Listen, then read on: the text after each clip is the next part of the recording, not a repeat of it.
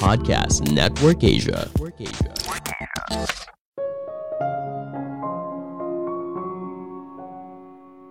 Apa rahasia sukses para imigran India jadi CEO perusahaan teknologi terbesar di dunia? Halo semuanya, nama saya Michael. Selamat datang di podcast saya, Sikutu Buku. Kali ini saya akan bahas kenapa banyak CEO dari perusahaan besar di dunia merupakan keturunan India. Warga keturunan India sekitar 1% dari populasi Amerika Serikat dan 6% dari total tenaga kerja di Silicon Valley. Tapi banyak dari mereka berada pada posisi yang tinggi di perusahaan. Apa yang membuat imigran keturunan India sukses mencapai posisi tinggi di Amerika Serikat?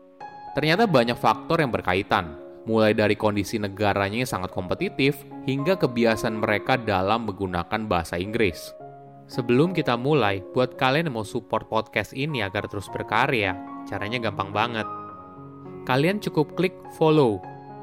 Dukungan kalian membantu banget supaya kita bisa rutin posting dan bersama-sama belajar di podcast ini.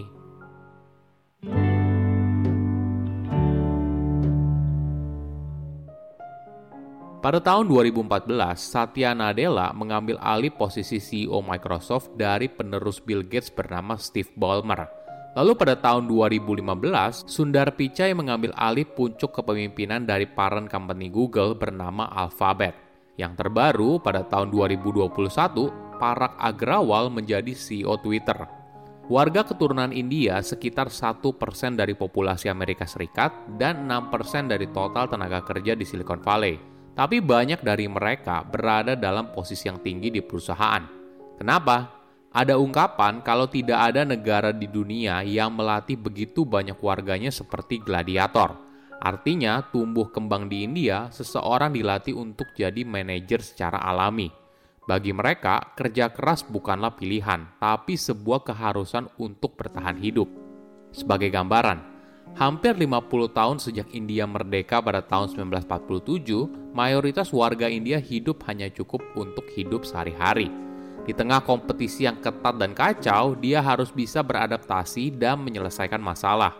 Selain itu, kultur warga India yang lebih memprioritaskan pekerjaan daripada kehidupan pribadi membantu mereka untuk bisa beradaptasi pada budaya kerja Amerika Serikat. Apa alasan dibalik semua ini? Apakah ada formula rahasia di balik kesuksesan para warga keturunan India atau yang berasal dari India sehingga mereka bisa sukses berada di pucuk pimpinan perusahaan teknologi besar di dunia? Mungkin kita bisa ambil contoh dari CEO Twitter yang bernama Parag Agrawal.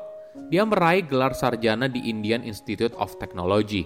Ini merupakan satu dari sekian banyak universitas dengan bidang teknis yang tersebar di 23 kota yang ada di India tidak mudah untuk bisa menjadi mahasiswa dari universitas tersebut.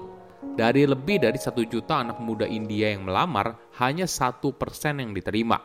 Saking sulitnya, banyak siswa India sudah mempersiapkan diri untuk ujian masuk universitas sejak mereka masih duduk di SMP. Setelah lulus dari IIT, banyak mahasiswa India lalu berimigrasi ke universitas elit Amerika Serikat untuk melanjutkan pendidikan.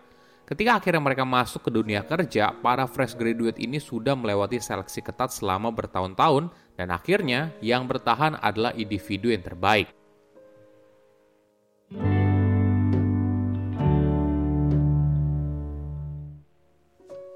CEO di Silicon Valley yang berasal dari keturunan India merupakan bagian dari 4 juta minoritas yang tergabung dalam kelompok paling berpendidikan dan kaya di Amerika Serikat.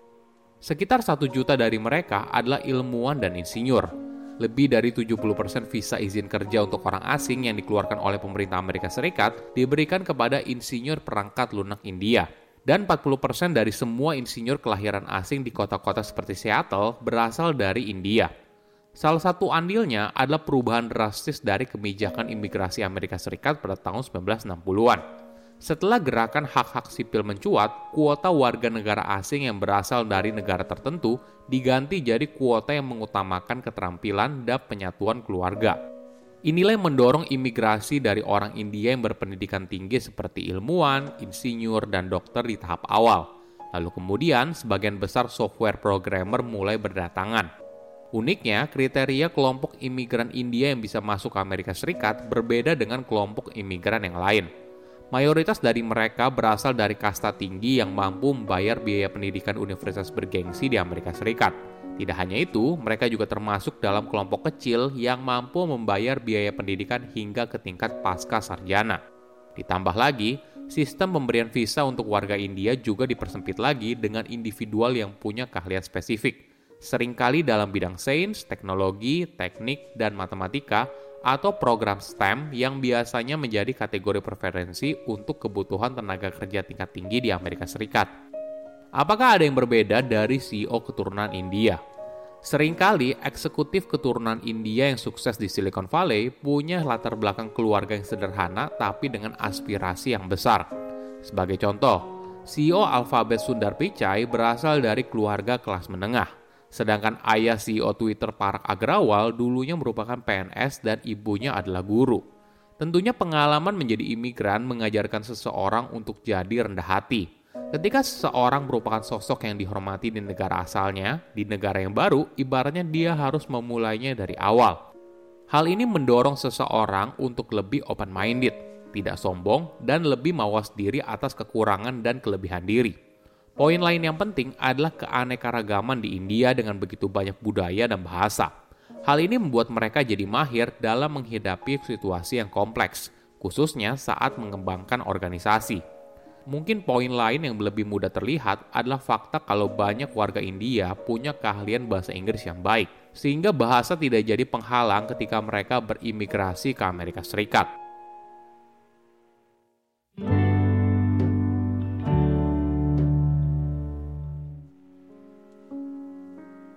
Namun tidak semua pengusaha atau karyawan sukses mengikuti jejak rekannya yang lain untuk berkarir di Silicon Valley.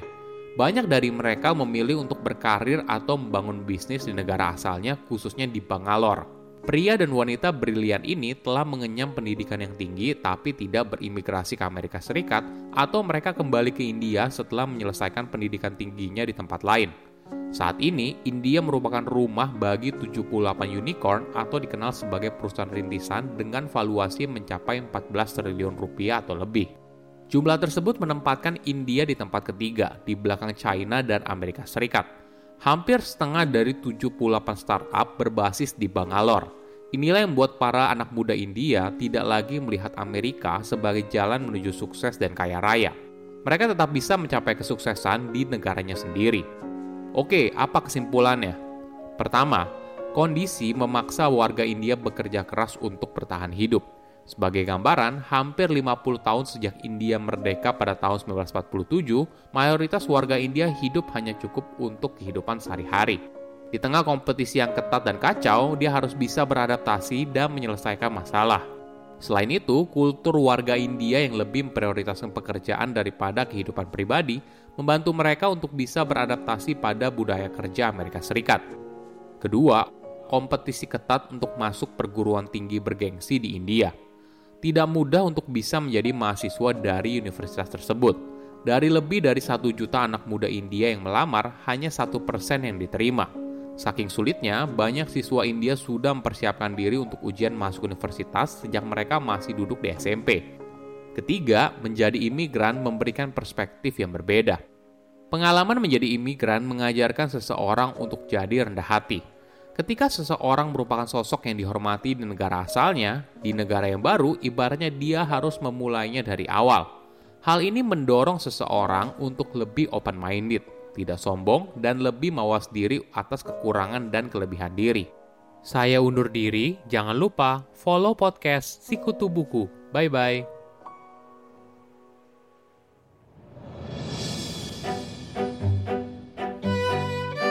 Hai teman-teman, gimana episode tadi? Menarik ya? Setelah mendengarkan ini, sekarang saatnya kamu mampir ke podcast Warung Imaji. Di sana ada beragam dongeng beserta pembahasan informatif yang bermanfaat bagi dirimu dan keluargamu. Saya, Veronika Tan dari podcast Warung Imaji, menunggu kedatanganmu. Pandangan dan opini yang disampaikan oleh kreator podcast, host, dan tamu tidak mencerminkan kebijakan resmi dan bagian dari podcast Network Asia. Setiap konten yang disampaikan mereka di dalam podcast adalah opini mereka sendiri dan tidak bermaksud untuk merugikan agama, grup etnik, perkumpulan, organisasi, perusahaan, perorangan, atau siapa pun dan apa pun.